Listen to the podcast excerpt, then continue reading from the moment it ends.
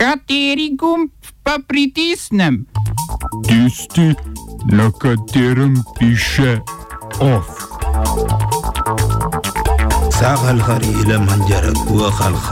Policijska ura na nizozemskem ostaja. Francoski poslanci potrjujejo predlog zakona o boju proti separatizmu. Sprejeta novela zakona, ki spreminja nekatere volilne okraje. Prva skupina obtoženih zdravnikov spoznana za krivo sprejemanja nedovoljenih daril.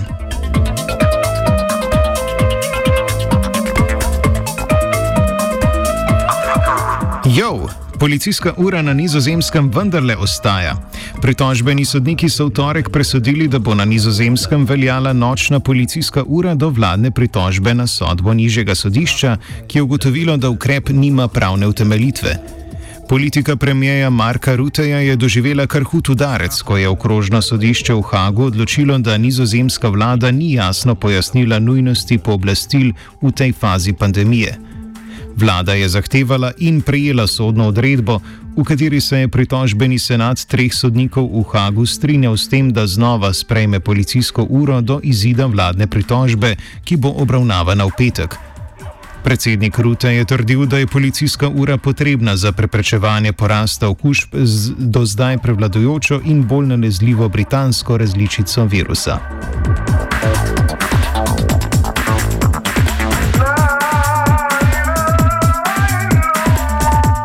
Francoski poslanci so včeraj potrdili predlog tako imenovanega zakona o republikanskih vrednotah, ki naj bi bil potreben za boj proti ekstremizmu in separatizmu. Zakonodajalci državnega zbora so podpisali zakon, za katerega kritiki pravijo, da neupravičeno cilja predvsem na muslimansko prebivalstvo.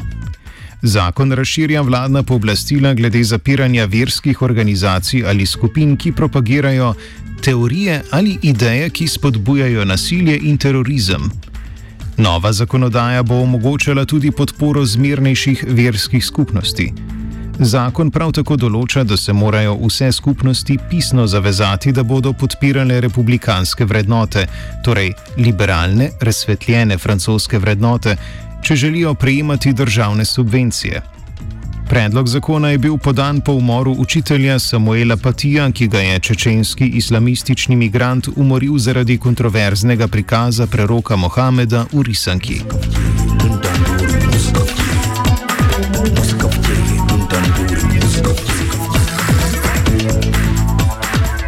Nova Zelandija bo do maja iz Afganistana umaknila svoje čete ter s tem končala 20-letno vojaško prisotnost v državi.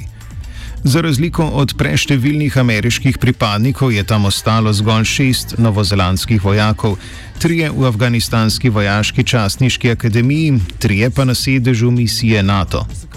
Novozelandski obramni minister Pini Hinare je dejal, da je vlada pri odločitvi upoštevala ugodne razmere v Afganistanu, vključno s tekočimi mirovnimi pogajanji med afganistansko vlado in nekdanjimi vladajočimi talibi.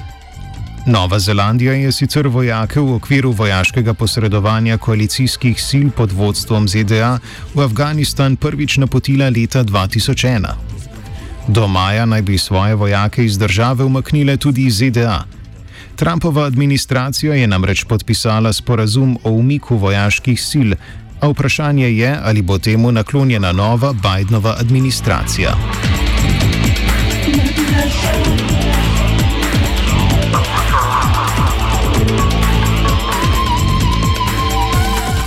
Oblasti v zahodnoafriški državi Gvineja so po treh potrjenih smrtnih žrtvah včeraj razglasile epidemijo ebole.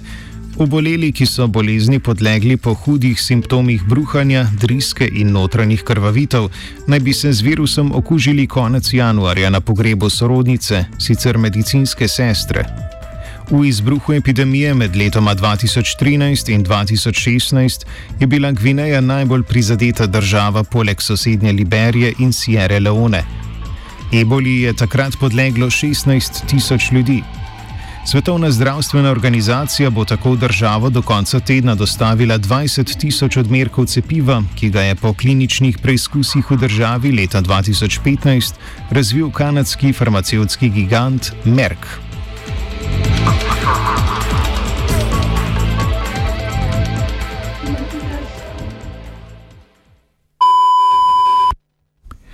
Raziskovalci in raziskovalke v raziskavi, objavljeni v reviji Science, poročajo o zanimivi potencijalni učinkovini proti virusu SARS-CoV-2.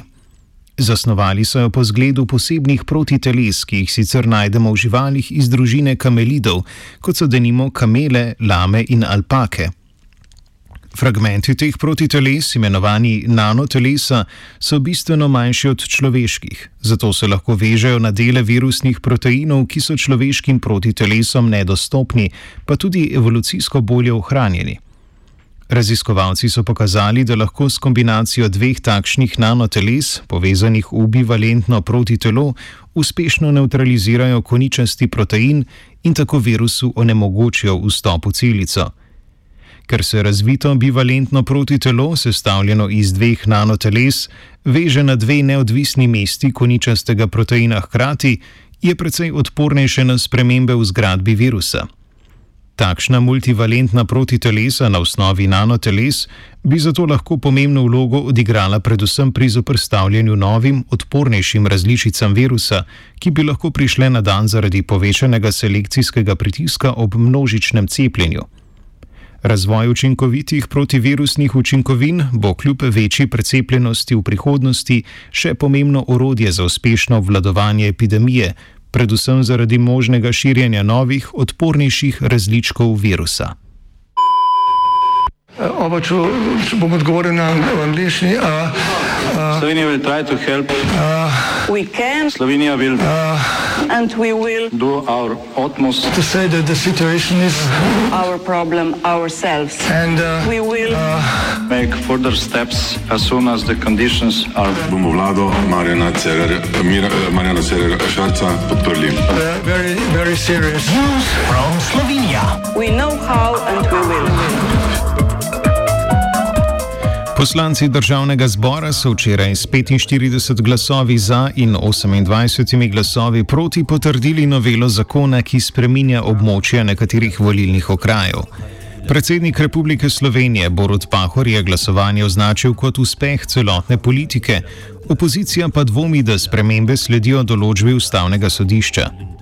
To je pred več kot dvema letoma ugotovilo neustavnost dela volilne zakonodaje zaradi nesorazmerne velikosti nekaterih volilnih okrajev. Poslanci so se odločili med dvema možnostima. Prva je bila ukinitev volilnih okrajev in uvedba neobveznega prednostnega glasu, čemur večina poslanskih skupin nasprotuje. Sprejeta novela okraje spreminja tako, da zmanjšuje razli razlike v velikosti volilnih okrajev glede na število prebivalcev. Pri tem upošteva njihovo geografsko zaokroženost ter kulturne in druge značilnosti. Državni zbor je na predlog poslancev narodnih manjšin potrdil tudi novelo zakona o volitvah, ki poenostavlja sistem volitev predstavnikov mačarske in italijanske narodne skupnosti.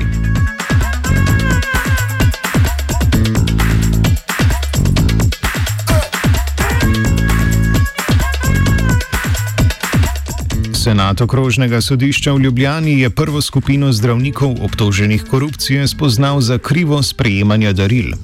Vane Antolič, Rok Vengust, samo Karl Fokter in Robert Janez Cirman so bili že leta 2013 obdolženi nedovoljenega sprejemanja daril od podjetja Emporio Medical. Darila naj bi sprejemali na različne načine in sicer v obliki plačila naročnin na strokovne revije in kotizacij za poslovna srečanja. Darila je obsojenim na njihove bančne račune ali pa kar v gotovini izplačeval nekdani komercialist podjetja Emporio Medical. Sodba sicer še ni pravnomočna, a so vsi obtoženi dobili tako zaporno kot denarno kazen. Cirmanu, Fokterju in Vengustu pa so poleg tega oduzeli prejete nedovoljene denarne nagrade. Vsem so naležili tudi vračilo sodnih stroškov, sodišče pa v tem primeru ni izreklo prepovedi opravljanja poklica, zaradi česar se bo tožilstvo pritožilo. Sodnica je v zvezi s tem pojasnila, da kaznivo dejanje ni bilo storjeno v povezavi z zdravljenjem. V začetkih afere so namreč kriminalisti pregledali kar 60 oseb, zaradi velikega števila obtoženih pa je sodnica sojenje razdelila v več skupin.